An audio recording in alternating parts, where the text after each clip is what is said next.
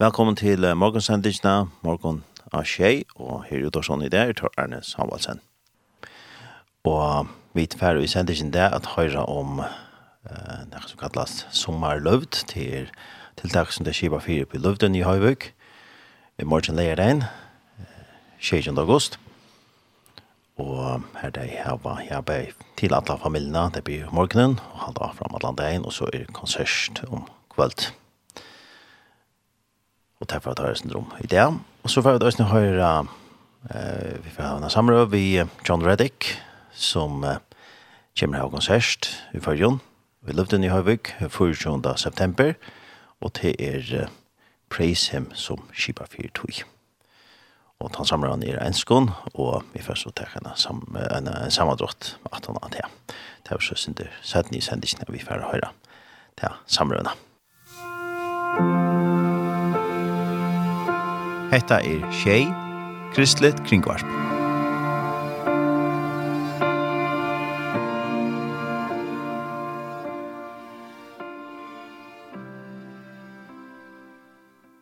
Og nå har vi finnet gjest i Udorsona og til Sinev Rana. Kom og Sinev.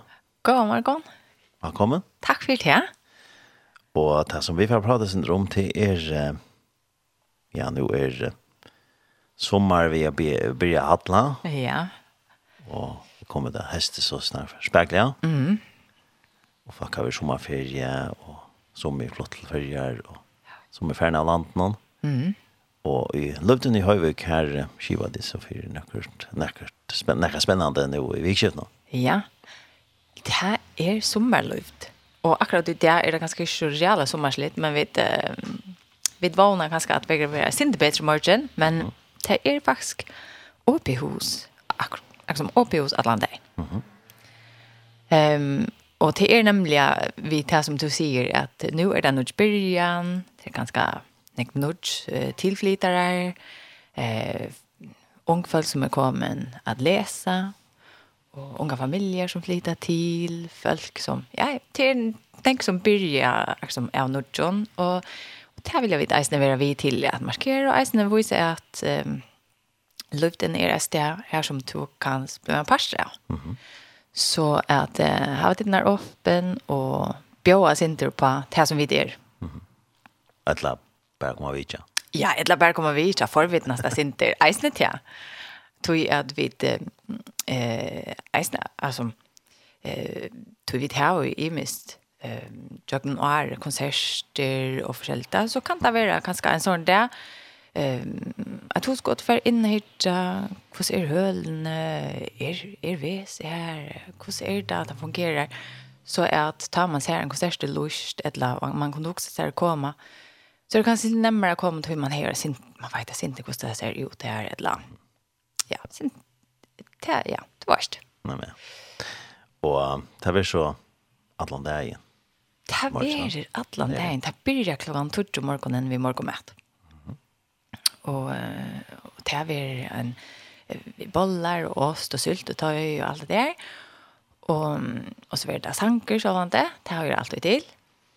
Eh och så för Lena Mojell Hansen att ta så. Vi ser bara Lena, vi är några Lena, men hon är reisende rich som boy. Så det är nog så stort lite halda vid. Ja, nej. Eh och hon har näck gott hjärta. Så vi har ju henne. Eh och så att han har morgon maten så är det en liten steg eller sånt där så vi var omrokera center. Mm -hmm. Så klockan 2 ta börjar ehm um, lötan för familjer och bötten och barnsliga aldrig kan man säga. Det är en ekvara där. Ja. Ja.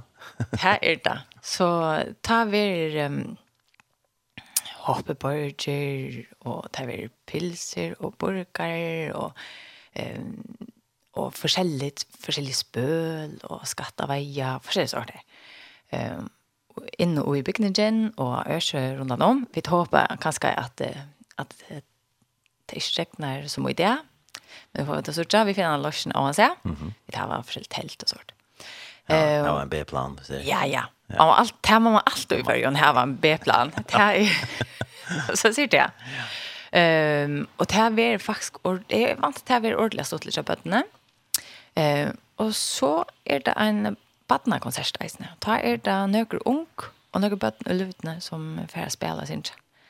Det gleder jeg meg ordentlig å høre. Mm -hmm. um, og med en alt det her fire ganger rundt om, inne og i og utenfor og så, så er eisene en let å få marskene over. Uh, det vil si at du drar, så var en rikva folk av godt lutene og kom vi klær til vaksne bøten og leiker og badna utgjør. Um, og så i dørkvalt og i det, så har vi et folk som sitter så styrre og regner lett det sin pent på plass. Og så kan man lære deg komme og få av seg. Mm -hmm. Det var nok så forskende. Ja, vars kvært. Vi tok seg til at um, særlig for uh, badnafamilier som nå nu är det ett nytt test. Man vet bättre att det har vuxit minst ena stöd. Mm -hmm. Och men man har framvis bruk för allt av utgör och kläder och allt möjligt och kanske unga familjer som är flott eh, att det följer och det värsta inlägg man ska lära fätra och vid vidare till strömprisen för en upp mm. och oljeprisen för en upp och mätvaruprisen för en upp så huxa ja, lät dem göra det här.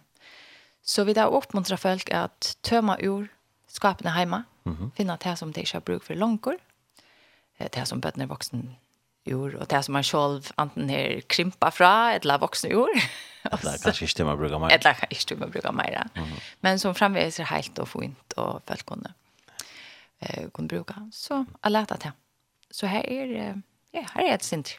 Det er litt ordentlig spennende. Ja. ja. Og det er så første det der kjører for tøy? Det er første vi kjøper for tøy, ja. Mm -hmm.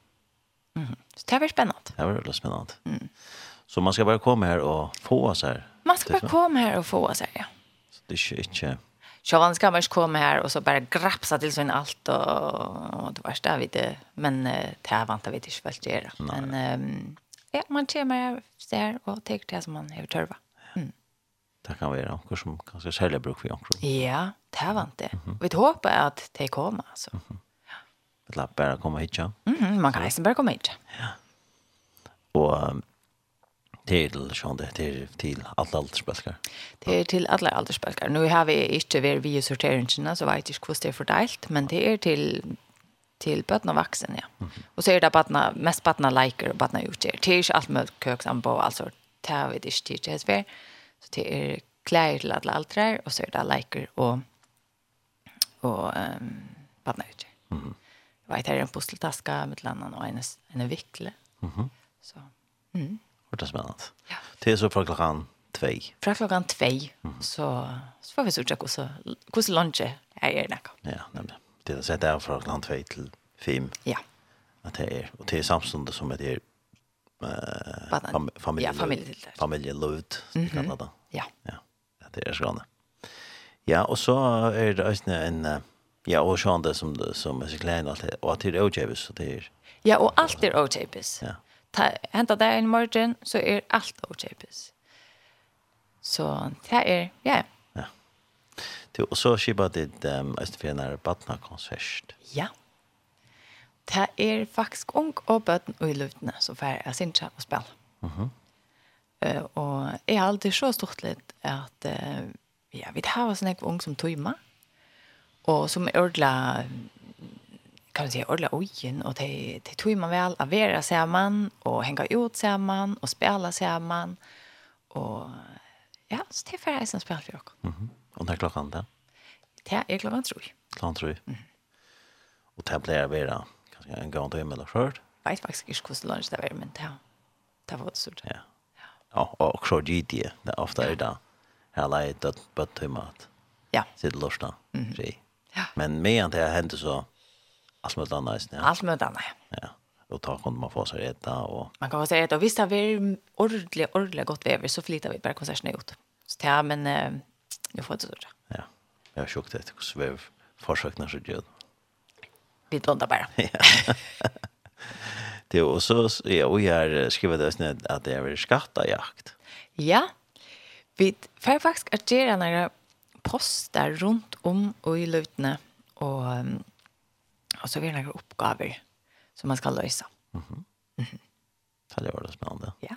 Så inne i løytene? Inne i løtene, rundt om forbi. Backstage, scenen, kanskje oppe i sundagsskoler, noen, og at han fyrer kontorene. Man færre sin rundt om og i bygningen, og leiter etter postene, og, og løsner oppgaver, og jeg mener bestemt at her er sindre alltid oppdelt at man kan løse oppgaver oppgaver til småbøten eller til eldrebøten. Ok, mm -hmm. ja. Og til ångt inn er i middelen 2 og 5? Ja. ja. Så, så kan man genka at vers, tar man, tar man er hodlegger det. Det er ikke så kjip at nå blir jeg skatteveien, men det er akt at det er ting som man kan gjøre, ta middelen 2 og 5. Akkurat. Ja, og så handler det da fram uh, langer av deg. Ja, så blir det et ordentlig, ordentlig godt kveld. Eh, Her er faktisk trutja konsert. Mm -hmm. Og da byrjar vi en syndeviløte, her som Miriam og Viktor Karlsen og en bølger, for å ta ui uh, velkjenter og ja, sanger som, som vi kjenner og som vi har sunnkjenegg og som vi elsker. Mm -hmm. Og som uh, sier fra bådskapen om Jesus. Så det er vi det er vi tannløten. Mm -hmm sanger vid minnas. Ja, og jeg håper at nek kommer og er spent på å synge ordentlig vel vi. Ja. Ja, og hvem uh, alt spølk, så det er det det fyrir. Ja, altså, eh, det ligger kanskje ut i eldre enda noen. Sjås om det er sanger som vi minnas, så betyr det at det er noe som er hent leksan. ja, men, um, men det er mest ikke at uh, man ikke kan komme selv om man er sin yngre. Nei, nemlig, ja. Nei. Det er for ødel. Det er for ødel men jag vant ganska att appellera mer till den eh det som är ganska sintrält. Men det är ju snä inkre som damer av detta slag. Oj ja, det är det. Man så. Ja. Ordentligt. Ja, det det är näck som damer väl alltid det är sanjener ser som som man minnes det som vi får minnas. Ja, det är det var inte en grund till att när jag sanjer synja vid en. Det är tog det är ordentligt gå. Ja. Alltså ta själva vet om nästan. Ja ja, och det är väl några sanger ta, men till det så som vi tar var vet och det är ganska till några särliga kvaliteter vi akkurat det sangerna tog i livet det än. Mhm. Och just det. Det är melodin och just texten. Ja. Ja. Att ta ta sitta fast där. Mm. Ja. ja, och så hålla det eh av fram, men ehm det är så skift är så att det tror jag att det tror jag konserter. Ja, det är skifte i och ta vi en kaffestecker. Mhm. Ehm så man kan man kan säga okej, okay, man kommer klockan tjej och så är man bara allt kvällde. Mm. Eller så kan man välja sig en löta som också är att man kommer till häsa lötna. Så först är det där som vi, syns vi minnast. Ehm och så klockan halv och nudge ta er aftan kvirra. Ja. Och, och ta vi en löta vi solmasang eh, och mer nöjt och mans eh, solmer och sanger eh, oppleste fra bøyblene og en eller eh, holeing. Eh, og så var det faktisk et klassisk innslag. Jeg er så, eh, så glad for det at jeg at her er um, Susanne Johansen og Solveig Kvåa av Fløyto og Jakob Zakariasen av Fagott. Så det var en spiller. Mhm. Så det var en god løte. Det, det var en sinter eh, blanda middelen framførsler og sanger som man kan synge vi. Okej. Okay eller felaksansk. Mm. Og det kallar det aftan kvirra. Ja. Kvi har du valgt det? Eh, det er nok tog at um, etter vi at man kommer inn, og så er det en løte her som du kan uh, enten sitte i fri, eller njóta Guds nærvær i fri. Mm -hmm. Og her som du sjå, det er sanker, så det er ikke kvist. Men eh, etter vi at stilla hjertet, eh, ja, at, mm -hmm. at det er fri, no? Er tempo i sangen ganske sinte mer Ja. Nye tempo? Det er nok sinte mer nye tempo, ja. Og det er alt det sinte i uh, ja, norrländska sanger, mm -hmm. korstvurst, insla. Mm. Mm -hmm. Så det er fra klokkan halvkon nutje. Ja. At det er. Så mittelen er sanger minnast, og klokkan nutje så er det lille kaffestekker. Ja. Og så er det 18 stekker. Mm Mhm.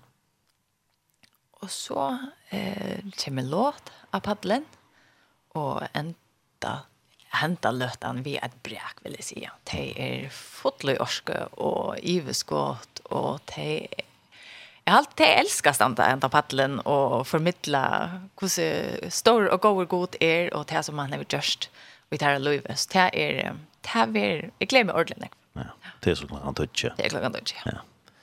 Ja, nu var det framførst. Eh, Nærkere när tillsammans nu. Ja.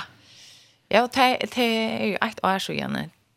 Det är så inte by kan man säga. Ja, ja. Mm -hmm. Ja, det. Och så hade vi en trafär. Ja. På Gäströtna och ja. Sandötna och Sorötna. Ja.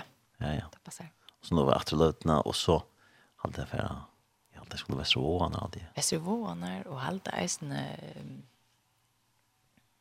Västman isen. Ja, nämligen. Ja. Det skulle inte vara det, alltså. Ja. Så tar vi det inte bara upp tempo. Tar vi det upp mer opptempo rytmiskt ja. ja. Så det är kvar så, det tror jag eh, nog så kvar så inne. Men, men det er ombord eisen på nekva matar av løvdene, tror jag att vi tar va. vi tar vi nekvimisk folk. Mm och Og eisen til okkara møter, så er det eh, imiska eh, mater at tilby på og synja på og så der. Og eisen er jokken og har i tiltøk. Så er det nok så eh, blanda og det er alltid ordentlig deilig at vi eh, ikke skulle bare streamlinjeformes til en bestemt stil eller en måte gjøre ting på, men vi kunne slippe ut til jokken. Eh, så er det som, ja, på nekvar imiska mat. Ja, og hvis man damer alt Mm. Allt det där släga tonläge så... Så sitter man bara allt på allt eller ständigt eller hoppar. Ja. Akkurat som man vill. Mm. Akkurat fyra, ja. ja. Så var det akkurat fyra. Ja, och heter så klockan tutje, och så ta ända det inte. Ta, nej, nej, nej, ta. så tenker det ung iver. Ja. ja. Ta, ta vad det eh, resten av natten. Mm. Det så ja. Ta, ta, ta, bara ta, att eh ehm ett slag ungdomsmöte då. Mhm. Mm Kallar det midnattarsankom? Mi ja, oj, oj, ja. ja. Jag kan ju glömma. Ja, ja, jag klockan 11 är det midnattarsankom. Det är faktiskt för det. Det är för det. Det är bara för det unga. Det är för öll. Så tar vi det också soffabrat och Rahulaing och Naka Sanchez och Fjells. Det är för öll. Ja. Och så tackar det unga. Så tackar det unga ja. midnatt. Mm -hmm. Ja. Och Här sa han det, jag syns dräcka man i mitten här. Nej, sen syns ja, ja, kaffe, ver a kan allan dagen. Alltså, så ska det vara, så ska det vara. Akkurat för det. Ja, det är, det är inte lägga kakor och allt möjligt sort, men kaffe och te, det skulle folk få. Det är, ja. ja. Och en karamell. Nej, men ja. Akkurat sött. Ja. ja. Och det har av från ganska långt, det är unga. Ja, för att sitta. Det är det stortliga till det är kipa själva för då. Mhm. Bei tonlag och innehåll och allt. Så det är spännande. Mhm. Så det är mer om ett natt och så kvar det igen då. Så kvar det. Ja. Ja, en en välpacka skrat har man säga för att han där lägger den. Ja. Sommarlövet lägger den 20 augusti alltså i morgon från klockan 12 och så ut av kvällen och så den natten nästan. Ja. Ja. Jeg halte vi færre at um, har noen sanger vi færre prata sin mer. Eh og skal vi ta en, uh, en Waymaker, kanskje? Ja, jeg halte. Ja, og, det er uh, låt alltid som færre Sinja sangen, og det er flere utgaver av den sangen kanskje vi får ta den som uh, Leland uh, synger. Ja.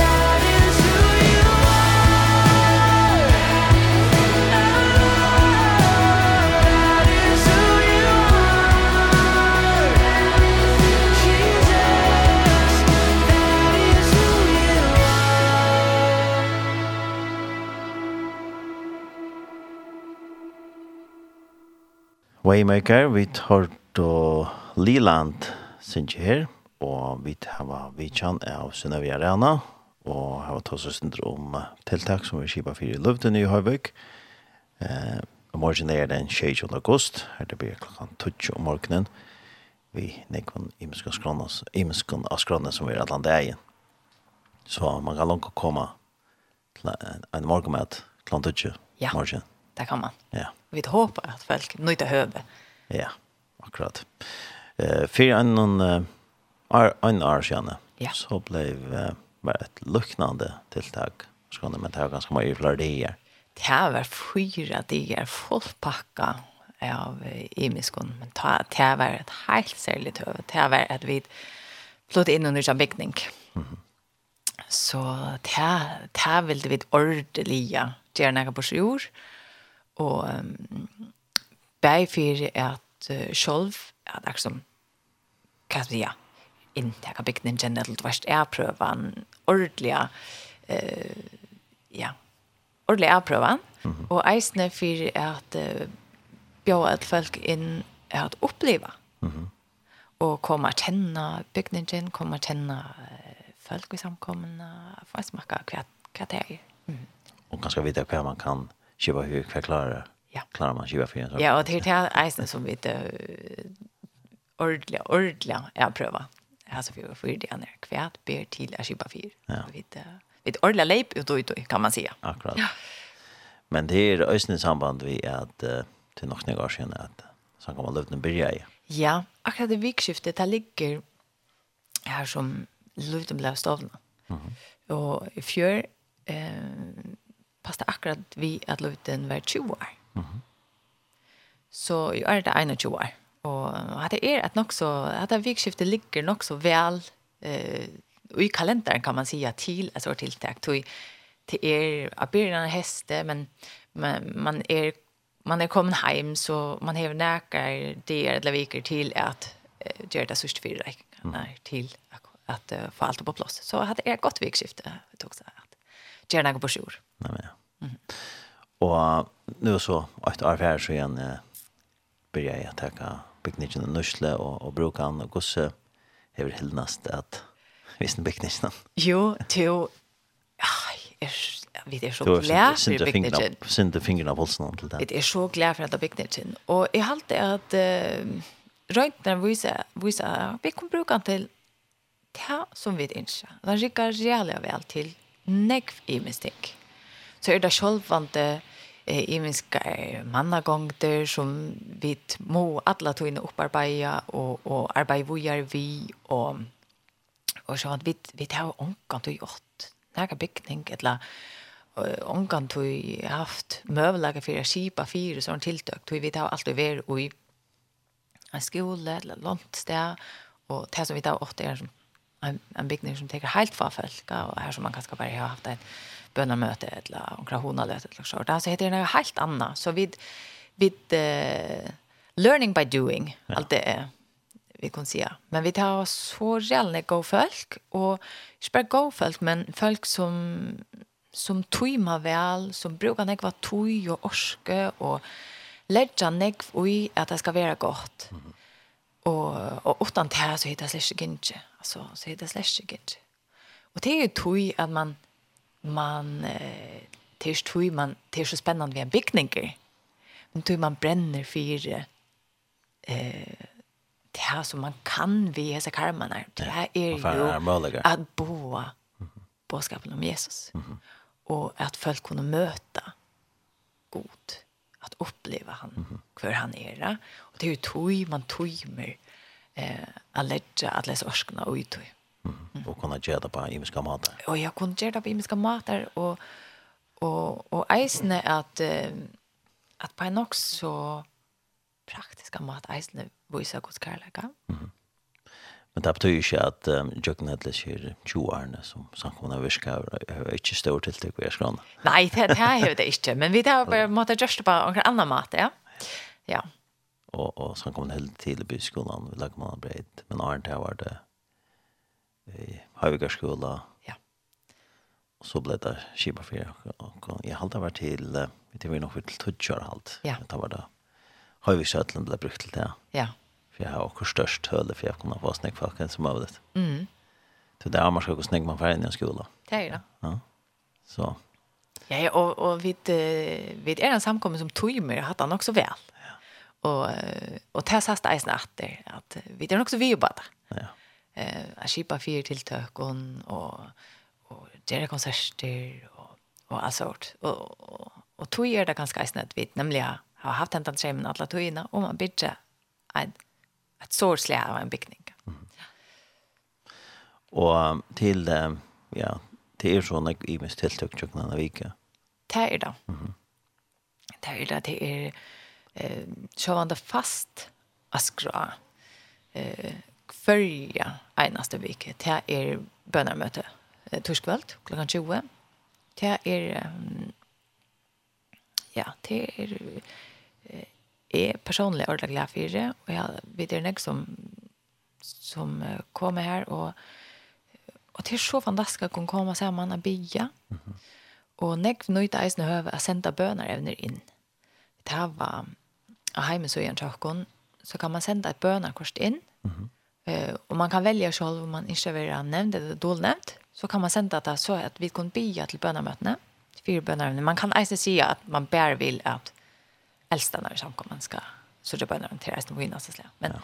til bønner vet jeg så kommer bønner evner, vi kan be for deg, og jeg snitt takkar evner, og jeg vil si at bare jeg kan hette sørst og ære, så jeg har vidt se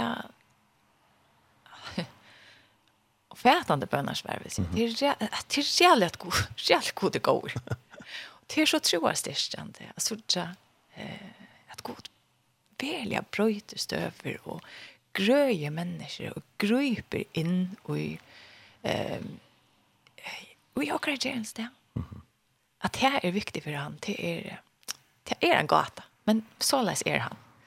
Och och det här att komma samman att lovprisa han at bya til han så ja till det är fantastiskt så det är ehm kvällstidskvalt. Ehm og så er det så klockan 8 klockan 8 ja. Mm -hmm. Och så är det så til sunn söndag morgon. Ehm och det är eisne kvann söndag morgon. Ehm och ta vanliga är att vi tar ett möte klockan 11, ett morgonmöte.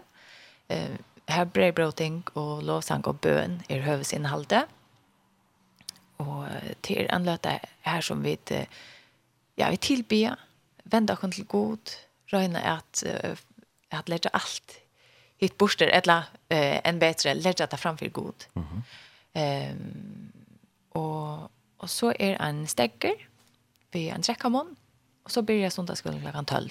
Vi har en sangløte inne og i store salen. Det er, vi har et luksusproblem, og det er at uh, nok så beina veien att anna vet var kom in i byggnaden så var söndagsskolan vuxen snägg att eh, det var ikke plass for uh, sangløtene her som vi i Atlan skulle være. Mm -hmm. Ja, var alt samlet. Ja. Vi har et rom. Ja.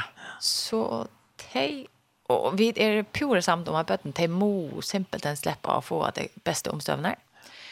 Så de synes jeg i selen nå. Og det rikker alle vel. Og så sjåvan det er eisen til vaksne velkommen klokken 12 at seta seg sintra. Jeg vet til flere, vi tar hava noen eldre folk, helt, altså, helt eldre folk oppe i, og, og nesten i forsen som elskar tæløtene, seta seg at en stål og luster og njóter av høyre bøttene sinja. Så det er sånn for ødel, men, men det er ordelig. Det er sundagsskolesansker.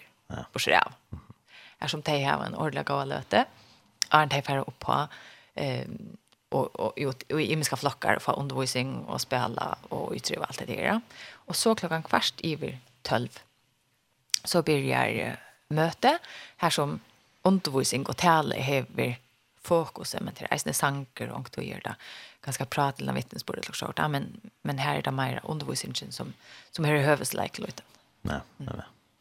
Så det är eh ganska de två hövselementen jag vikna. Men så är er sangvändningar, korvändningar eh och vi har eisne jökten är i miskar tilltök vi lägger byggningen ut till um, fonter och konferenser och försäljligt.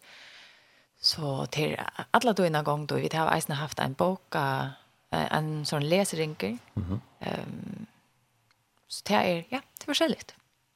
Och det onka det är uh, lärkvalt. Det er leierkveld, ja, og. Ja, det er faktisk først leierkveld. Vi har sett leierkveld av til de unge. Og det er bare helt eh, undan tidse at vi eh, lager noen annen fra. Så i morgen så, så, har, så har vi sett Atlanteien til til imist, og til unge er sånn sett noen kvalitet, men det er et sort undantek. Mm. Annars så er enten ungdomsmøte klokkan nødje, eller så er åpehus. Det er som är om det mera eh av att av ha då är lite. Ja, har det lite. Ja, mera kanske avskipa ett land så så. Eh och och annars lägger kväll så är det ett ungdomsmöte. Och det är så gott vi sådär eh verkligen jag tänker hämta mitt det unge. Tänk som eh vad säger jag? Det är ordentligt brännande och i trunne och, och det är vi så glada för sådär och Ja, vi er glad, virkelig så takksom for at vi tar veisene baksen som eh, leg, legger nekva orsk ui a få eh, ja, de unga trivast og mennast mm -hmm. og være om deg og ja, styrer det godt. Og de tiltøkene for de unge, de, de blir så, så snart speklende jo. Ja, det blir nå at han har. Ta, Så at han som var stedet, det er ikke svært nærmest skående. Det er vært et ungdomsmøte, og så nå att han som har lugnt så blir det fast vid annan kväll ungdomsmöte annan kväll och på oss. Och det är ju snä som kallas ungklöv. Ja. Eh ja, ta ta ta för vad det så där. Ta blir till er ett till ett tillbå för dig som är från satta flock och upp efter. Mhm. Eh till ordla sätta skra när ta börjar åter, men ta ta ver. Ehm och ta er där eh typiskt Arn Alive, altså ungdomsmøte. Mm -hmm. Så møtes de i en av en timme. Eh, hygga seg sammen, få en andakt, synka sig samman ganska. Och, og så kunne de som hava ho, ververande til ungdomsmøte, og de som ikke ender kom her til, at det er nægget for här näka för dig. Det är ganska för hemskvarnar att hänga ut. Eller, ja. ja. Det är ganska snabbt for det. Uh, för det som kanskje ikke, det tar mig väl kanske söndagsskola på samma måte som Nej. Han alls bättre så det är inte. Det är som ta två gånger i satta flock så så är det blå nog så vuxen. Mhm. Och tog häva vid eisna en söndagsskollflocker till dig. Mhm. Och han han började ta klockan 12 eh samtidigt som som felakslötan är för de yngre flockarna och i salen så så här var det i backstage urchen så här var det en söndagsskollflock för dig här som det är mera eh, till terra eh, aldersbölk. Mm. Spännande. Ja. Nej, vi missar skrannet. Det är nej, vi missar skrannet, jo. Alltså, eh, ta den vid er blöjlan också står samkomma. Trontene, och, och det är nej folk.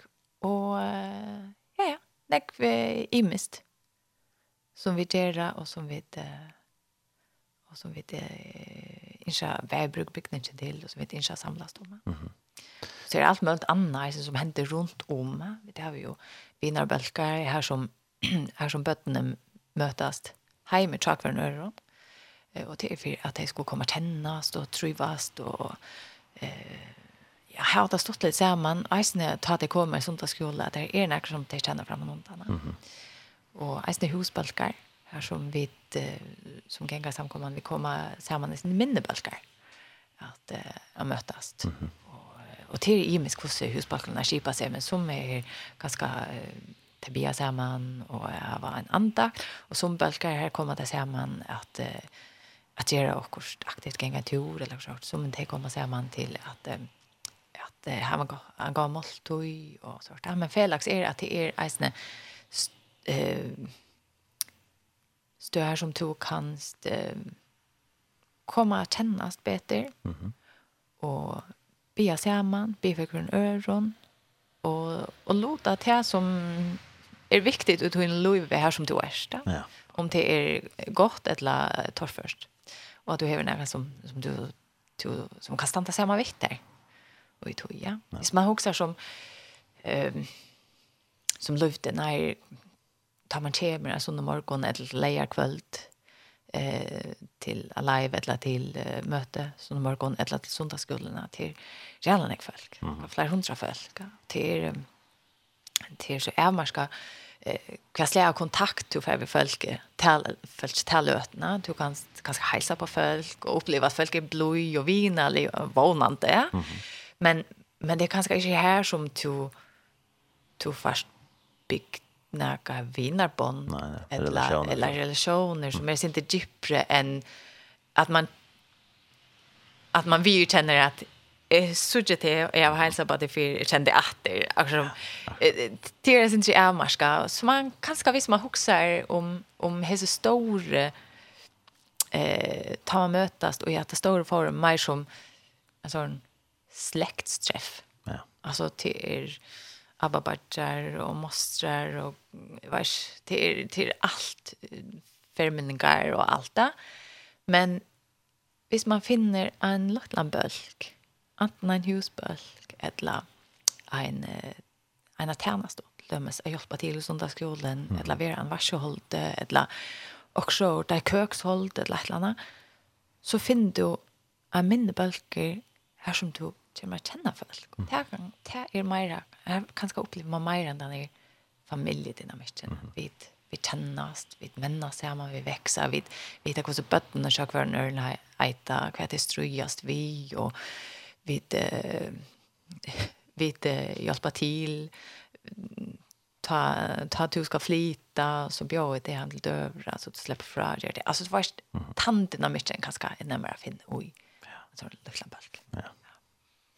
Så nek i min så skrone, og sånn det er en større bygning, så her passer nek folk inn. Her passer nek folk inn, ja. Ja.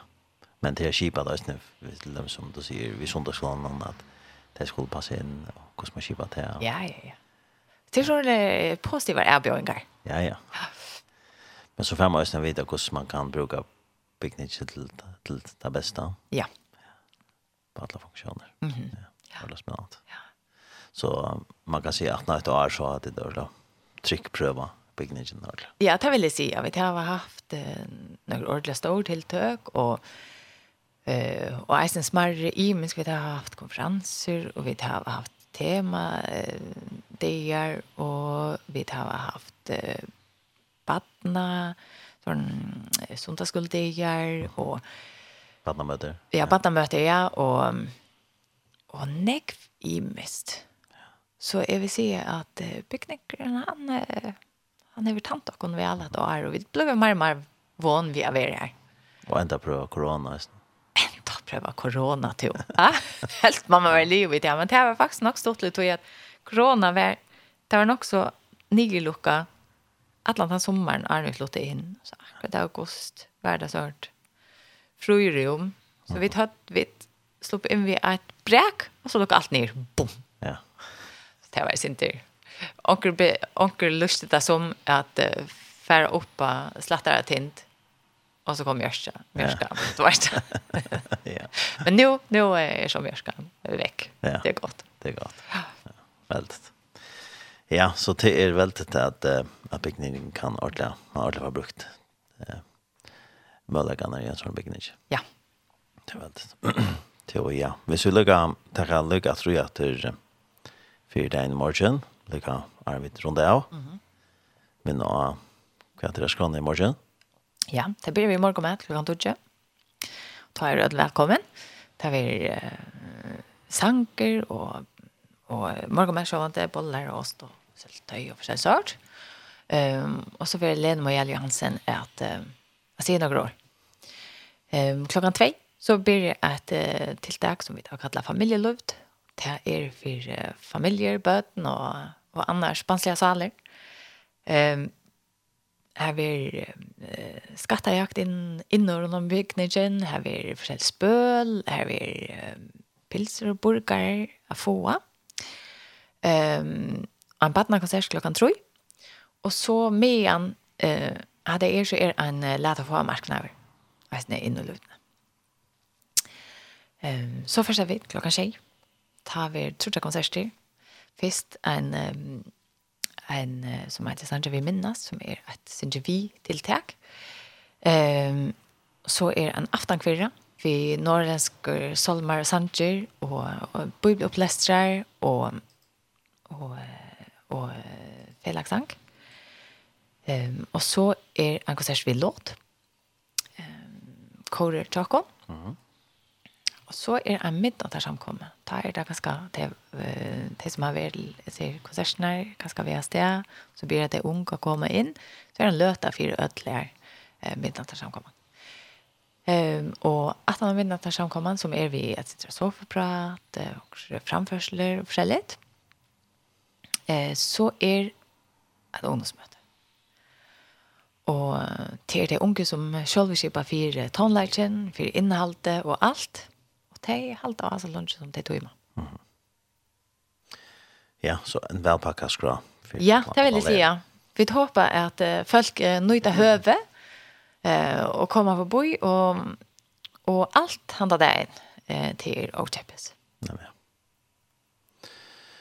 Ja, og så for de som, som ikke kunne komme til alt det her det så kunne de komme sånn det. Ta er møte igjen. Ta er møte som vanlig, ja. At sånn var det. Mm. Ja. Ja, men jeg får si at det står takk for det, så det er det Ja, men takk for at jeg kunne komme. Ja, og vi halte vi for enda med en sanger som du slipper å velge. Det er ganske sangrøs, vi brukter eh, til... Du skal spela I Will Wait For You, eller la Solmer 130. Ja. Det er um, Shane, Shane som spelar han, men det er um, Getty som ständigt i året. Ja. Ja, og man har løtt det, så får vi også høre en samrøy vi ja, en som heter John Reddick som også kommer av konsert om en gav. Det er vi så spent på, altså, altså det er spennende, og det er vi um, til mer enn et år siden vi begynte to i prosessene, og, og ta hver han pura åkjente for meg.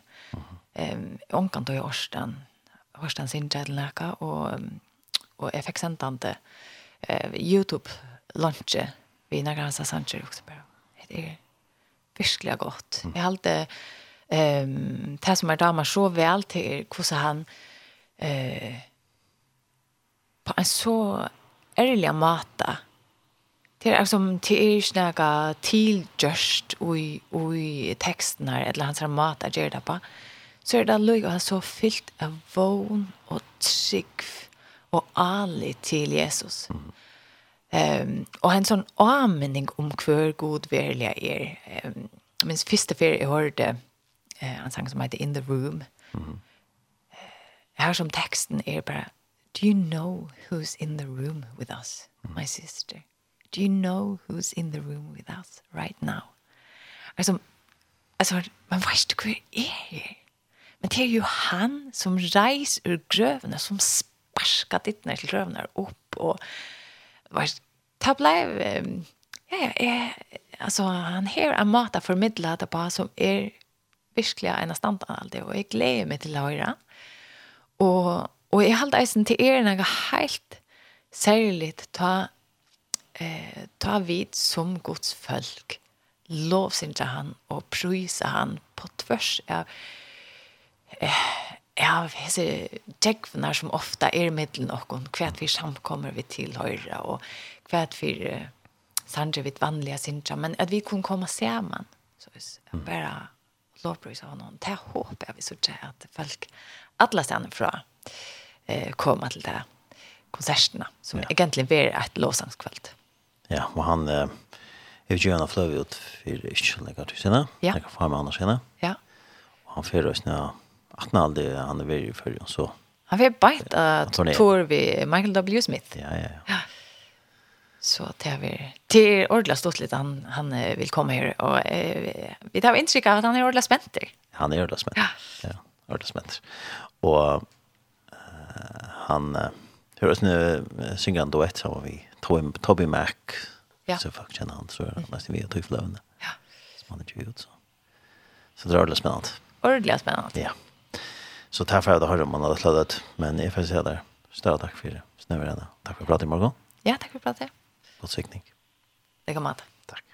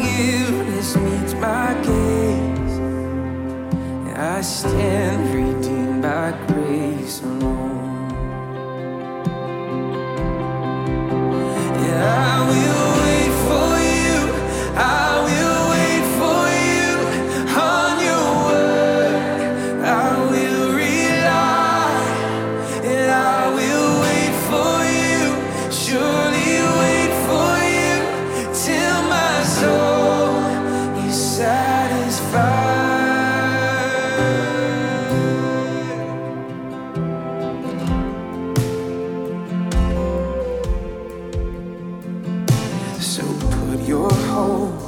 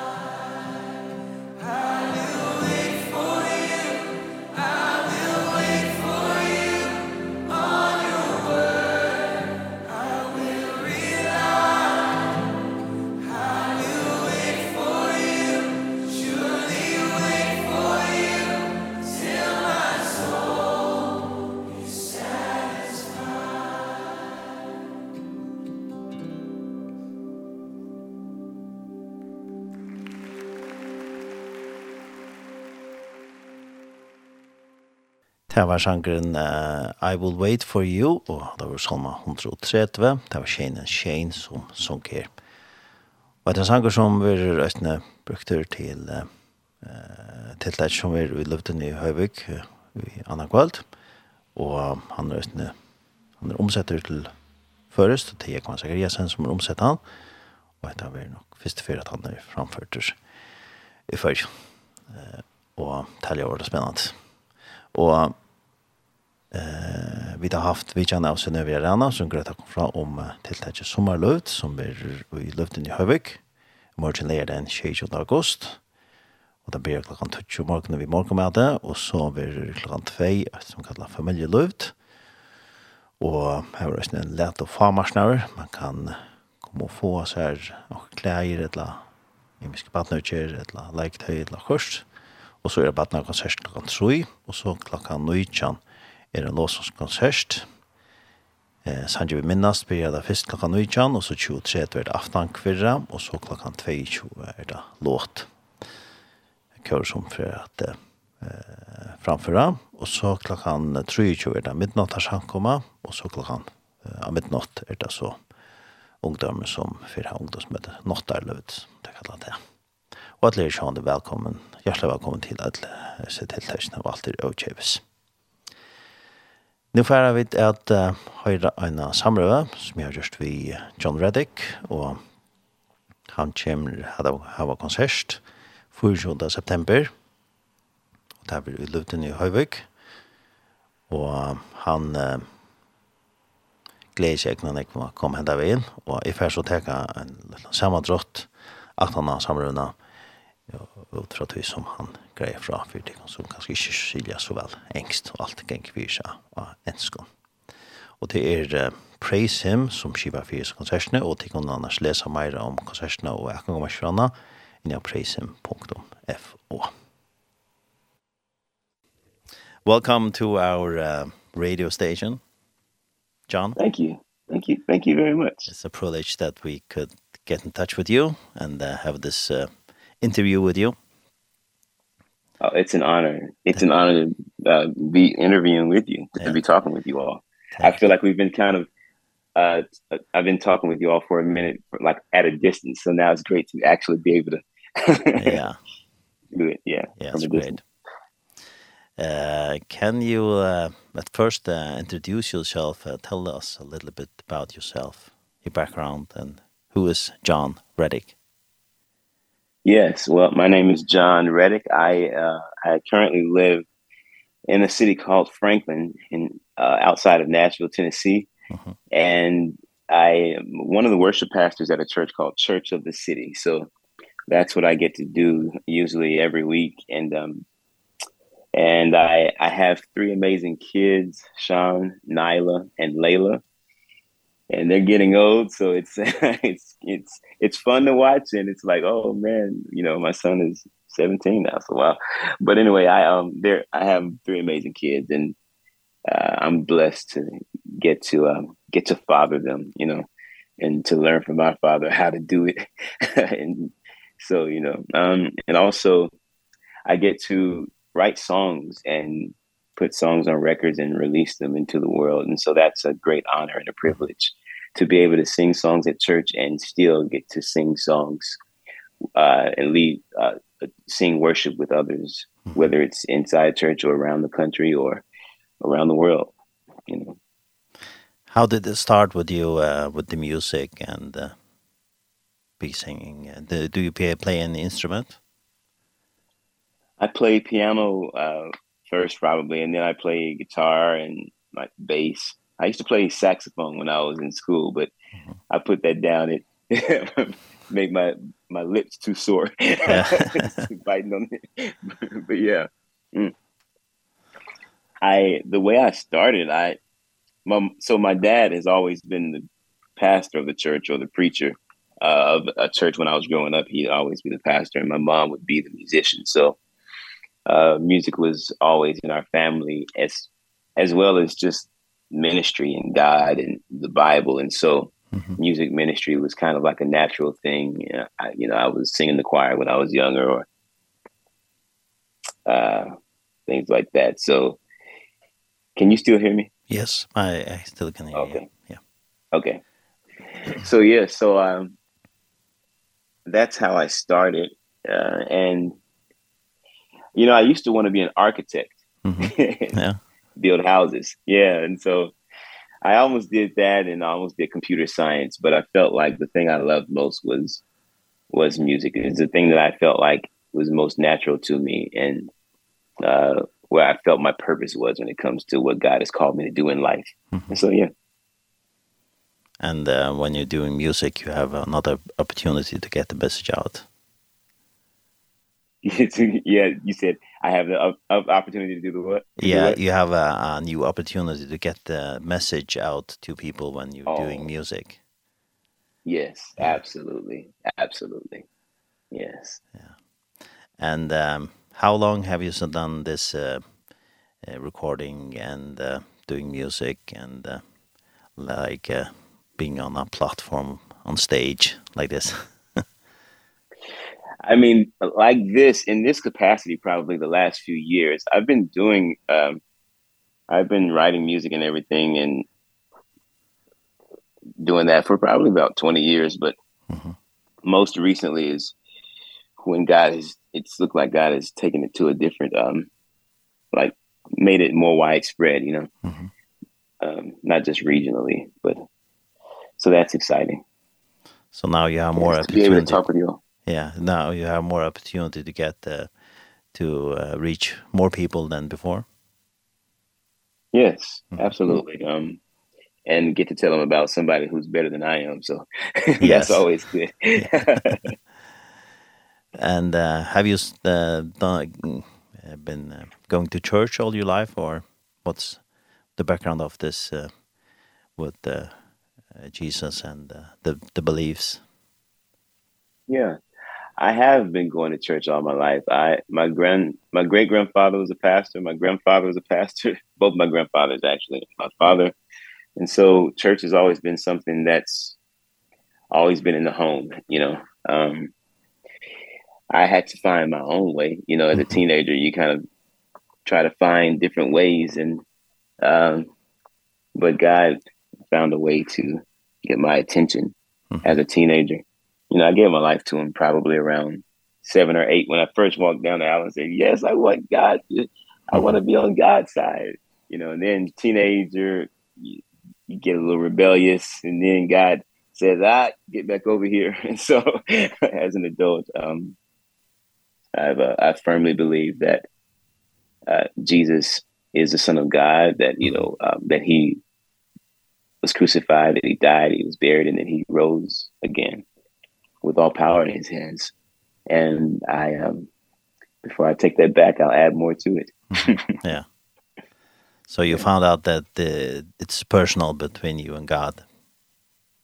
Yes. Yeah, that's the yes, most important. Absolutely. Yeah. You can't yeah. you can't depend on what your parents do and your family no. does, but your own. No, you can't. Yeah, you have to it has to be something that you find. Mhm. Um I think that, you know, it, now I it does say, you know, train up a child in the way they should go and they won't depart from it. So I do believe there's truth in that, but there is something very valuable in you finding out for yourself. You know, you it's it's almost like you're telling somebody else you telling somebody about a story that happened to your parents or you telling somebody about a story that happened to you, yeah. you know. And that's that's personal. Yeah, like you said, personal and uh, personal testimony nobody can take the take that away from you. No no they can't can't.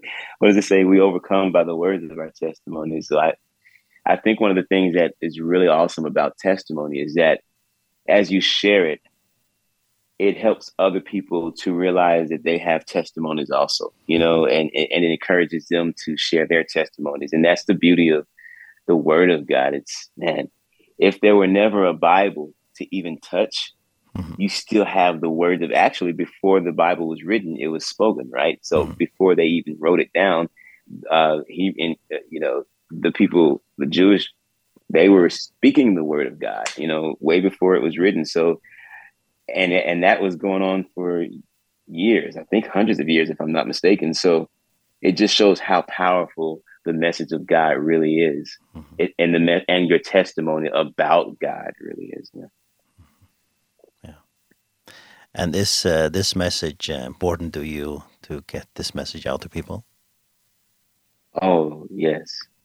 I think there's I think there are a couple of things especially in our world today. So one is the fact that God does exist and God is real, you know. And but the other message is almost a message that seems like a different message except it points back to the first message and that is the fact that there is some something and someone to hope in because I feel like right now it just in our world there's there's so much that goes on in our world mm -hmm. and people need that hope and people need that place to go to and the second message of saying hey I know something and someone that you can hope in mm -hmm. and it points you right back to our God which then that message of him being sovereign and him being everything that we need mm -hmm. is um is first and foremost. Yeah, yeah. um when did you uh, release your first uh, song? Is that many years ago? Yeah well uh, let's see. You keep hope alive i think that was released in 2018 that was mm -hmm. um that was my first song. Glory and majesty and you keep hope alive and then uh, God turned it around. We released those uh, goatee records and um and then we started releasing it at church and then we started having different versions and more songs um mm -hmm. so yes but the first one was in 2000 2018 mm -hmm. and um yeah. you've been doing music before that but not releasing stuff right i would I, i've been doing music before that but when i would do that it was more of a local kind of you know it was actually I was releasing it before there was a before there was Apple Music. uh, yeah. so yeah, it was a long time ago. uh-huh. Yeah. And then the, you uh, uh, have uh, released the album got God Turn It Around in uh, Yes. This year. This year. Yes, this year. Absolutely. Yes. This year. So that's been it's been awesome to watch and and to um to hear the testimonies that people share. Yeah. That's been awesome. Yeah. And how is it to release an album uh, uh, like this when the, everything is digital, when people can download and listen on online, not re not buy a CD like before? How is it? Yeah, it's, I mean, it's, I like it. It, you know, it's, um, there, it has its ups and downs. One, you can, people can access it from anywhere. You know, remember remember back in the 90s, you couldn't access music anywhere, right? You had to go to I think we still had record stores. and yeah. you had to you had to ask the guy behind the counter what's good now, you know? Yeah. yeah. you could and if they were playing it in the record store, then maybe you could hear it and be like, "Oh, I like yeah. that." Yeah. But you know, we'd be filing through the records and then we'd file through the tapes uh and then the CDs came out you know yeah. but now we have these streams which on one hand it's not always the um the easiest thing for people who are making music but it is a lot easier to access and to get music now and so and to watch videos you know um so i mean we're recording we're, we're on zoom right now yeah. right? And so we can see each other yeah. uh we can see each other at any point now on our phones yeah. but remember when we had to have the camcorder yeah. so yeah, yeah. you had to oh, the home video but anyway so i love i love what we get to do now with music because we get to hear it and we get to share it and so that's a blessing i still have people who ask me for cds mm -hmm. so yeah But yeah, yeah well, and that was two. I said 2018. I mean, the ET Purple Live was 2019. Sorry. Yeah. But yeah. And um, what was um, uh, the message you wanted to get out to people with this record or this album that you released? What is it that you want to tell people? The thing I want to most tell people it's some for some I guess it would be telling them for some it'll be reminding them that God has not forgotten about us. And and he's not only is God always there but he's listening. And so when we're praying to God God is hearing our prayers. Mm. and I don't know that we always feel like God is hearing our prayers but God is hearing our prayers. We already know that he's able to do it. I think sometimes we just wonder if he will do it for us. But God is able and he's willing to do it. And it doesn't always look like the way we think it'll look. Mm -hmm. It doesn't always turn out the way we think it will turn out. But I am a firm believer that mm -hmm. God is able and he wants to do the best thing for us and he will do what is best for us. And that is that is why I want to point to Jesus. I want to point to God. I want to point to the Holy Spirit because our God is surrounding us with his love whether we realize it or not. We are loved by God mm -hmm. and he hears our prayers. So yes. If I could sum it up I'd say we are loved by God. He hears our prayers. So don't stop praying and don't stop believing, you know. Yeah. That's a good message. Yeah. That's mm -hmm. a really good message to people. Thank you very much. Yeah. And uh, uh, you're also on uh, going on tour. Yes, and, I'm and, going uh, on tour. Soon you're going to be in tour. in uh, in Faroe Islands in Yes, I one am. month you're going to be in the Faroe Islands. yes, it's right around the corner. I'm so excited about that. So yes. What do you what do you expect of this uh, visit? you know i i always i'm open-handed. I um i want to experience and so i don't want to limit anything by putting my expectations on it. The only thing i would even the only thing i want to make sure comes out of it is that we get to worship God together you know like that's but i'm looking forward to i i from I, from the pictures i see It looks like one of the most beautiful places that I've ever uh, seen. So I I'm excited about being there. I I love to meet new friends and so uh so I'm I'm just excited all around, you know. it's going to be exciting. Yeah. First time to come to the Faroes. small know, island. really small island. only oh, only wow. 55,000 people live here. Wow. Yes. Wow. That's amazing. That's amazing. I'm looking forward to it. Yeah, it's going to be exciting. I am looking for forward to it. Yeah. And then you're going to take mainly pictures. I think so. I have to bring two phones so my battery won't run down. yeah. But uh, are you on tour before you're coming to Faroes? No, I'm on tour after. After. Uh, so that's the first. So after, yeah. Yeah, this is the first. So once I once we do that, my next I start I start tour next week that next week with uh, Michael W Smith. Mm -hmm. And then I do a Christmas tour um with Caleb uh radio station here in the states. Mhm. Yeah. So you're going to be busy. I'm going to be pretty busy. yeah. I'm excited about it though. Have you been on tour this uh, uh this year? Any tour? I've well, I've gone to I've had a lot of different we call them one-offs. I've visited a lot of different cities doing, you know, worship at churches and um doing some festivals and things like that. So it hasn't been an actual tour, but I have been traveling singing. It hasn't been one, you know, tour as in one set of um people going through each city, but it's been me going to different places. So yes. So I've had separate concerts and now I'll do the tour. Yes. I have separate concerts the first half of the year and now the remainder of the year will be uh, Faroe Islands and uh, in tours. Yeah. And um uh, when you are uh, going to have this uh, worship concert uh, uh, do you have a band with you or how do you, how many is with you? Yes, I'm bringing a few friends with me. Uh, a couple of uh, a couple of my friends we're coming out there and we're looking forward to having a great time. So, yeah. That's going to be exciting. Yeah. Yeah. So if people want to um, know your songs, they have to go uh, on the internet and listen on Apple Music or Spotify or somewhere. Listen to your songs and get to know them. Yes.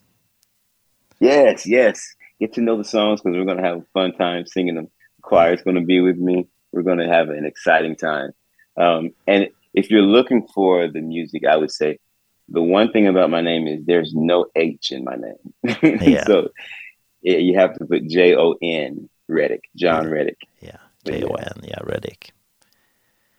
And um, but yes. people can uh, learn your songs and then also they can uh, listen to our radio because we play your music on our radio here in the fair. Uh, so Thank you uh, Thank you all for doing that. Yes. I'm so honored that you all would do that. Thank you very much. Right away when you released the the album we played the music so we we have been playing it a lot here so that's good. Wow, so people can know your music that. so that's good. Thank you very much. So um you're looking really forward to this and and uh, in the future uh you're going to have some uh, tour or concerts different places? Yes, yes, sure will be. And um, you're writing uh, all your songs yourself, or are you writing with someone else also when you're writing songs? I, you know what? I feel like I'm always writing uh, music, even when I just go home, you know, just sit at the piano. But I get to write and collaborate with uh, lots of friends. And so some songs I may have a couple of friends, some songs I may have four or five friends who wrote it with me, you know. mm -hmm. some songs I just kind of write by myself. So it's whatever is whatever the song needs is usually what I say. Whatever the song needs is what I'm willing to willing to do. So yeah. And um yeah. when you are writing songs um uh, how is uh, the process of writing songs? Uh, maybe you can sh share about what what inspires you when you're writing songs? Yeah, I I find inspiration lots of different ways. Um sometimes it's just something that God has been speaking to me, you know, maybe um I love sitting down at the piano and just uh just playing piano and sometimes God inspires me that way um sometimes conversations sometimes you find things in life you know whether they're uh, great stories or sometimes hard stories, you know.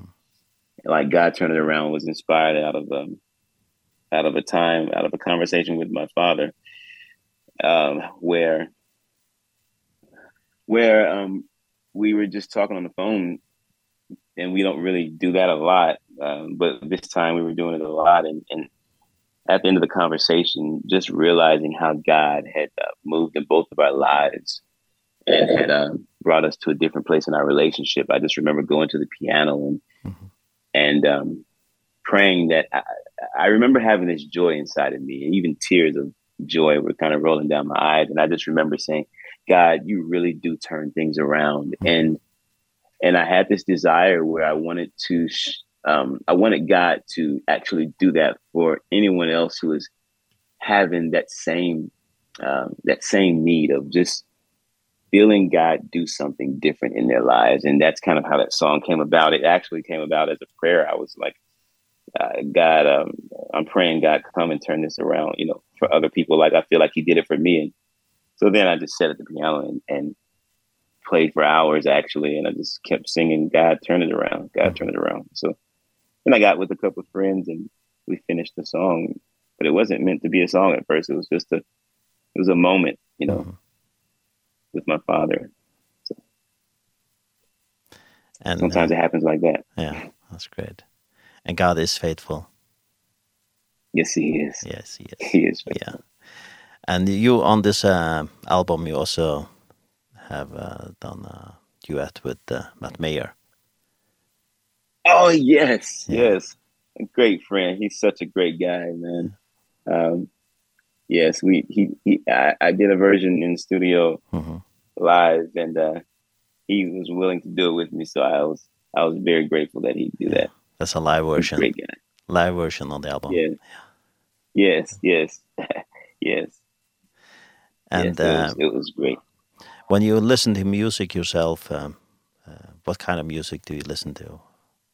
What uh, kind of genre is, is it? Is it different? Uh, than the music you know, that you in, do? I listen to all kinds of music actually. I I'm a musician at heart, so I love uh, I love different kinds of music. I one of my favorite um one of my favorite records actually is from the Metropole Orchestra. Mhm. Mm you familiar with them?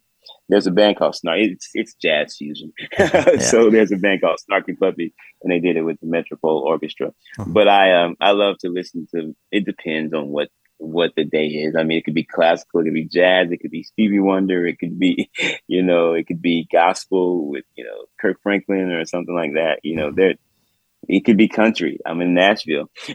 so so I, you know, Brad Paisley, who knows? but I um and I love to listen to worship and so I I love to listen to all types of music, you know.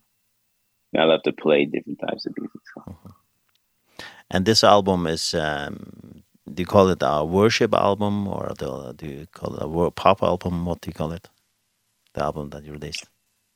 God turn it around. You know, I, I think they call it worship. I I um I'm to be honest what I do is I just write songs and I and I try to sing them to God and and a lot of times they are songs that we can all sing together and so it makes it corporate worship you know.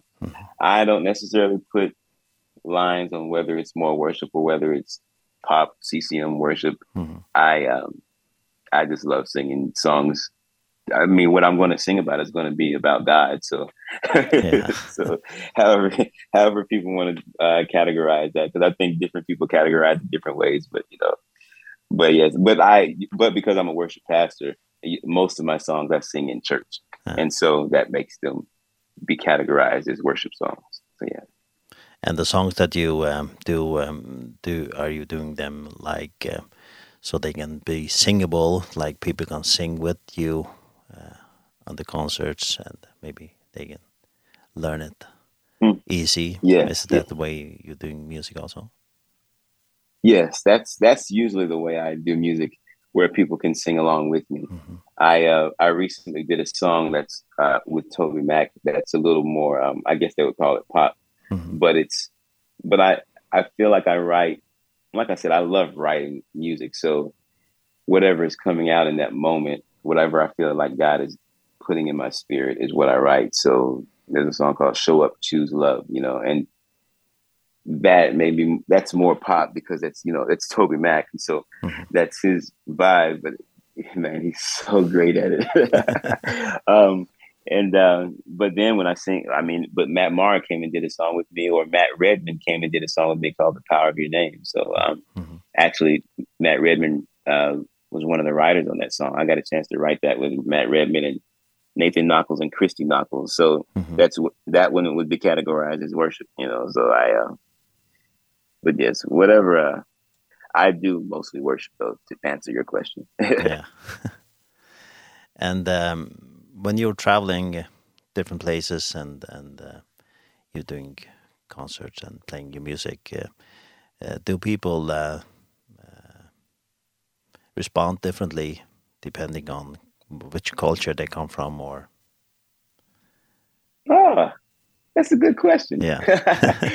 well, I I grew up in the African American church. So, um so responses in the African American church, they're always like, "Yeah, let's go." Yeah, you know, it's really uh but then I I uh, depending if I'm in a if I'm at a youth conference or something like that, you know the youth are like they're all in they're like yeah let's go you know yeah. and then sometimes i may I, I may do a song where people are more contemplative but i i um I, there's the the thing about it is what i've had to learn is each response has a value in it you know mm -hmm. whether someone is sitting there and just taking it all in or whether some and and it's a more internal thing with them that they're feeling or whether it's someone who's responding with external, you know, praise and adoration, you know, each person has their own way of taking it in. And so I feel like my job is just to point us to God or just point towards the direction of Jesus. You know, I'm not the the um end and end all be all like yeah. I'm not the pointer of life, but you know what I mean? Yeah. so my job is just to help us uh help us worship our king. So um so i i find value in all the different types of responses you know. So you released this album now and uh, you're working also on music all the time. So maybe in the near future you're going to release a another album also? Yes i'm excited about that. Yes i'm working on it right now. So yeah. stay tuned. Yeah. And if we look on on uh, Spotify and Apple Music, we see that uh, a lot of people listen to your music, so that's great. You got a wow, thank that's you. great. Millions that's of people listen, so that's good. And wow, they, that's they can also go on uh, on YouTube and and uh, listen to your songs. Yes, absolutely. YouTube, anywhere where you listen to music, um you can find it Amazon, YouTube, Pandora, -hmm. Spotify, yes. iTunes, Apple Music. Yes. Yes, that's great. Thank you. Yeah, that's great. Um, um, maybe uh, maybe you have a message for uh, some listeners now. Maybe you have a, a good word of God to maybe one who's listened. What's on your heart yes. today? What inspired you today? You know, today, um, today I'm inspired because of joy. And sometimes it's hard for people to get to where joy is because so much is going on. But I want to encourage us that a lot of times in the Bible when there's joy, there's also something hard. So just because we're walking through something hard doesn't mean that God isn't about to bring joy our way because actually our hope because our hope is in Christ Christ is our joy. Mm. And and it's it's when we go through the hard times that we realize that God brings this joy that we didn't think that we'd be able to hold on to. Um so if you haven't felt the joy yet, just hold on yeah. because um because there is a joy. It doesn't mean that everything is going to go well, but it does mean that we have peace in knowing that he is for us. God is for us. That's great. On this album, uh, uh, God Turn It Around, do you have a favorite song on this album? Oh, man. That's a difficult question.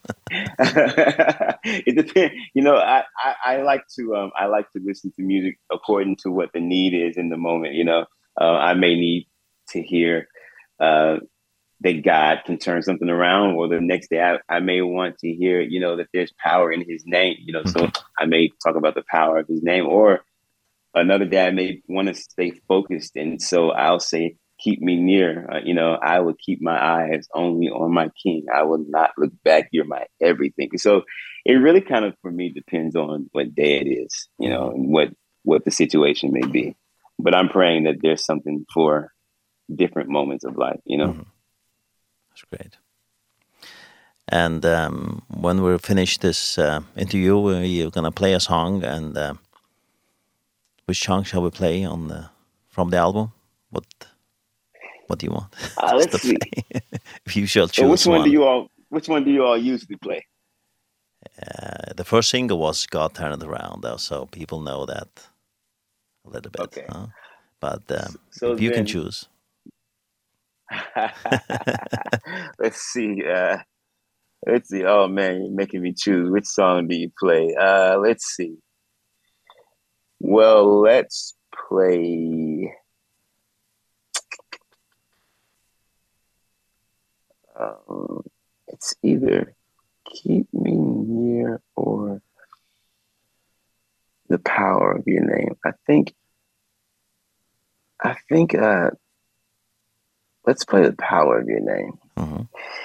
You can even do the Matt Redman version or the live version. Mm -hmm. Yeah, I love that. I love In the Room.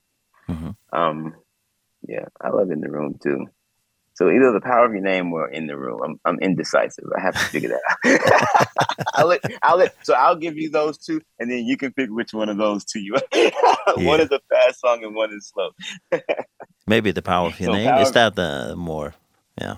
We played that one? Yeah, that's upbeat.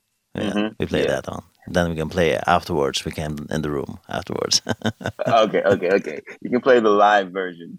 Yeah. Uh, the live version. Yeah. Power of your name. Yes, we'll do that. So um, I appreciate that yeah. very much. Do you is there anything anything else you want to add before we close? Oh, I'm I'm thankful. Thank you for this time um I'm grateful to be able to share this time with you all and I'm looking forward to coming to the Faroe Islands. I can't wait. Yeah, we're looking forward to you coming and uh, hearing music and also meet you at the concert so we're looking forward. Absolutely. Yes. Yes. Thank you Absolutely. very much and may have a good trip to uh, when you're coming to the Faroes. May have a good flight it can be bumpy, they say. so you warned. Give me the warning. Huh? but it's going to be a good flight. It's going to be a good flight. Oh. Yeah. I'm looking forward to it. It's Tor Ar Tor Arnie, right? Tor Arnie, yeah. Tor Arnie. Yeah. Do you say it together like Tor yeah. Arnie? Yes. Okay. Tor Arnie. Tor Arnie. Yes. Yeah. Tor Arnie. All right. It was great to meet you. Great to meeting you. Bye-bye. Bye. Bye. Bye.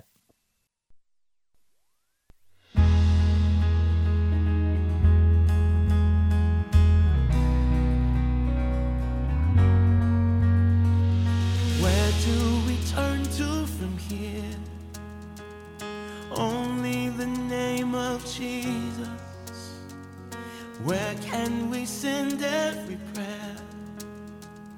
Only the name of Jesus. Oh Where is our true healing found? Here in the name of Jesus. We run to the grace that abounds. It's here in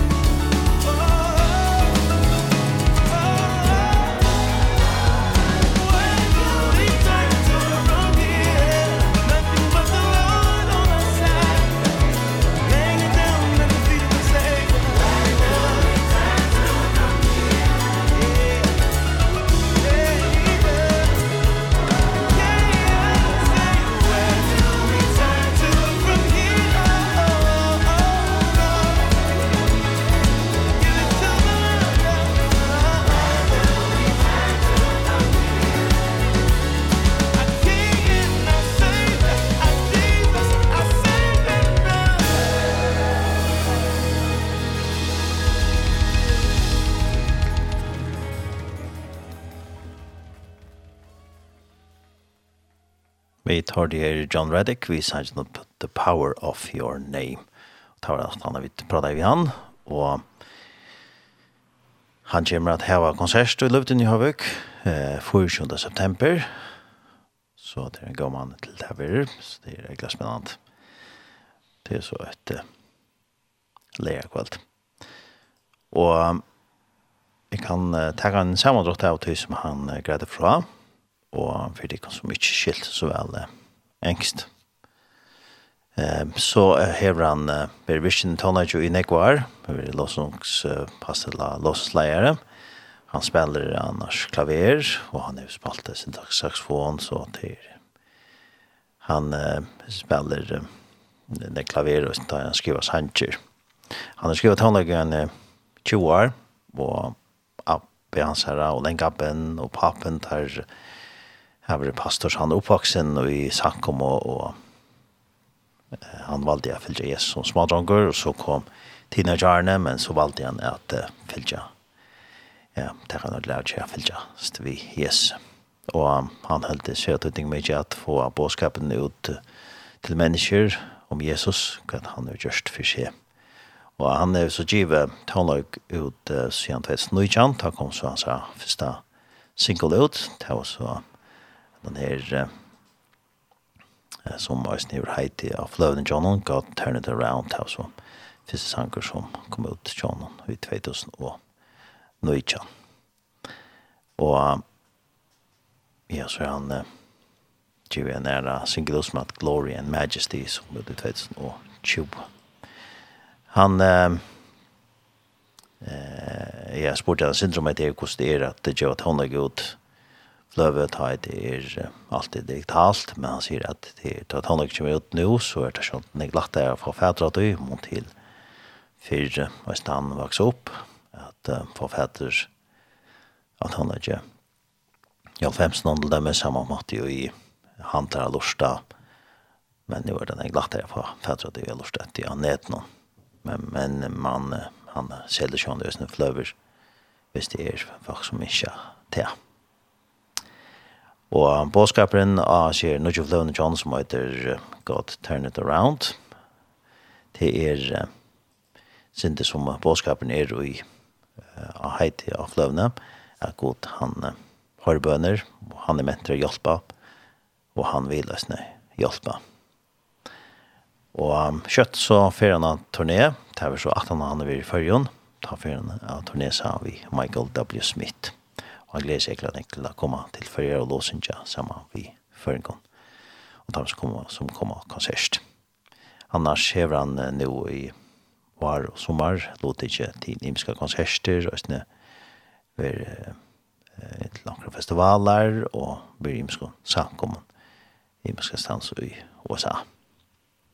Og det er flere som kommer vi i ferdelanden til Førjer, så han er egentlig spenter, og til nekker videre som som uh, kom igenom så tenker jeg seg til å komma till följer.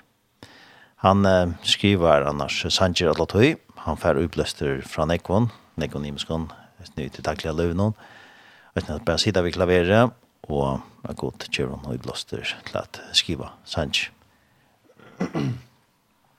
och um, sangren uh, God Turn It Around fick han upplöster vid han är en telefonsamlare vid pappa sin og om det er at hvordan god kan brøyde omstøver, at god kan vente omstøver til det er bedre, hvis det er ting som kommer inn av veien i løvnen, så at god han skal nok sørge for og Det er en sanger uh, bøn til god, og han uh, setter seg så vidt klaveret, og skriver så sannsjen, og her er han så etter vindu andre at hjelpe oss her med at få sannsynlighetene. Og av jeg ser Nudje Fløvene, så synger han også duett sammen vi Matt Meyer. Det er helt han var ordentlig stått litt og spennende. Og så er det også en eh, her han synger sammen vi Matt Redman, og det er også en sanger som vi hørte på nå, The Power of Your Name. Det er også en live-utgave. Og så er det en studieutgave her han synger sammen med Matt Redman. Og men den her uh, utgaven som han er gjort, det her kallar han kanskje sin en lovsangsløve, en lovprysan til herren. Og ja, det er kanskje sin annerledes som hun til kanskje vanlig lovsang, men uh, han uh, han ikke hvordan at uh, lovprysa uh, gode sammen i øron, jøgnon, svin, tonlek. Han hever også give en sang ut sammen vi Toby Mac, og nå ikke forløvende til Toby Mac, og eh, det er at han var egentlig så til at uh, skulle ta ham, men den er fløven uh, gatt her etter han givende ut av platefillan som heter Go T Records, til et platefillan som Toby Mac eh, gjort for noen år siden. Og jeg ser fløvende til Toby Mac synger så en sang skal last Show Up, Choose Love. Annars eh, spurte jeg syndrom hvordan det var at eh, lovprissa er god til eh, tannes den fjerde stimska sannes. Andre på mentanner til at han var ekla spennende og sånn at jeg hvordan ånda folk lovprysa god. Annars er bådskaperen John og Øystein i Jøkken det som fløva ned og annars det som som han hever på hjertet det er at gleden kommer fra herren og Øystein tar vi et ferdjøkken og ringt og som eh, jeg blir engasjert som vi har i løvnen så er gleden at få fra herren han ikke at det gjør åkken gleden det er joy, glede fra hånden. Og her kan vi finne glede. Alt godt kommer fra god til oss, det er som til dere ringt, her kan glede komme inn. Og god kan ja, gjøre verske i akkurat løv. Så det var leit syska det som, som John Reddick uh, tog seg om i kjøkkenet samrådene. Så um, vi tverre at uh, enda sendes nu det, og vi får enda vi en sanje. Men annars har vi tatt vidtjen av uh, Sønnevi Arena, og hun er greit sinte fra om uh, et selvtiltak som er uh, i Lutten i Høyvøk. Vi morgen leger den, 22. august, og det blir morgenmatt klokka 20, Her, uh, er velkommen. Her blir sanker og tala. Og så klokken 14 er det et som det kallar familieløvd. Her det er bare hoppborger, skattejakt og bufferpilser og imsanna få til bøten og banslige saler, så alle er velkommen til det. Og her er det som det kallar lært og farmarsnauer. Her er det velkommen at det kommer få seg leiker, badnøtjer, klæger, beitel, eh, bøtt og vaksen pura og kjøpes. Det er så fra klokken 14 til 16. Og så klokken 15 er det så en badna-konsert vi bøtt noen ungen ur løptene. Og så er det klokken 19 er det låsåndskonsert. Eh, her der vi blir klokken 19 vi sanger vid minnast og det er Miriam og Victor Karlsen som vi bølger som kjipa for tøy, og så er det som kallas aftan kvirra klokkan 20.30, og så klokkan 22 er det låt kurs som fyrir at framføra. Klokkan 3 er det så et med midnattars hankomma, og så er det eh, klokkan 24 natt har løyv her ungdomsmøte er, og det er ungdomskipa fyrs her ødler hjertelig velkommen til det avsne. Og så er det sin drekkamann i middelen, jeg sier paddelskiften i Østen, og alt er åkjøpes, som sagt. Og jeg kan også nevne at det var for at jeg kan ta siste sangen, at en av her konserten som er vi John Reddick eh, den 4. september. Eh, her kunne du finne flere opplysninger inni av heimasynet Praise Him www.akromerk.fo Her kan man kjøpe akromerker og annars leses ikke meira om uh, John Reddick. Ja, og vi tverre så at høyre Tansvisen Sanjen, det har vi så det er sanger som han nevnte i Østene i praten og Jokon Janne. Det er lukka finalen framåt her. Ja.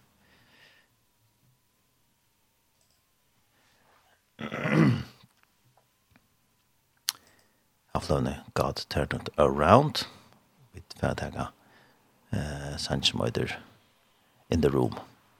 Så ferdig at eh, takkar for meg. Tarne Samuelsen var i Udorsson i det.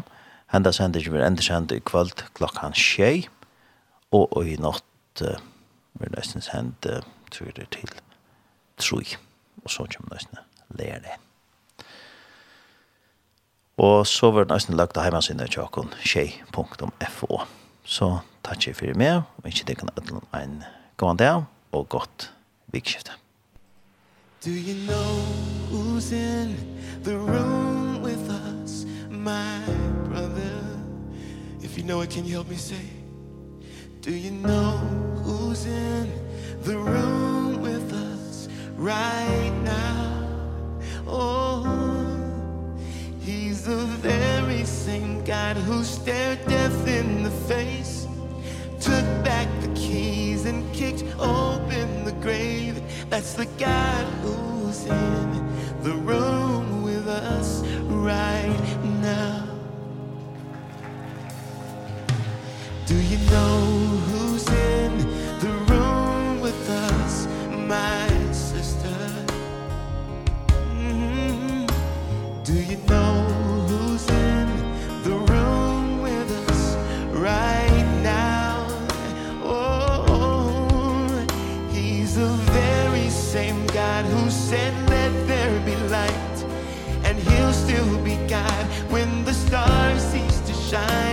That's the God who's in the room with us right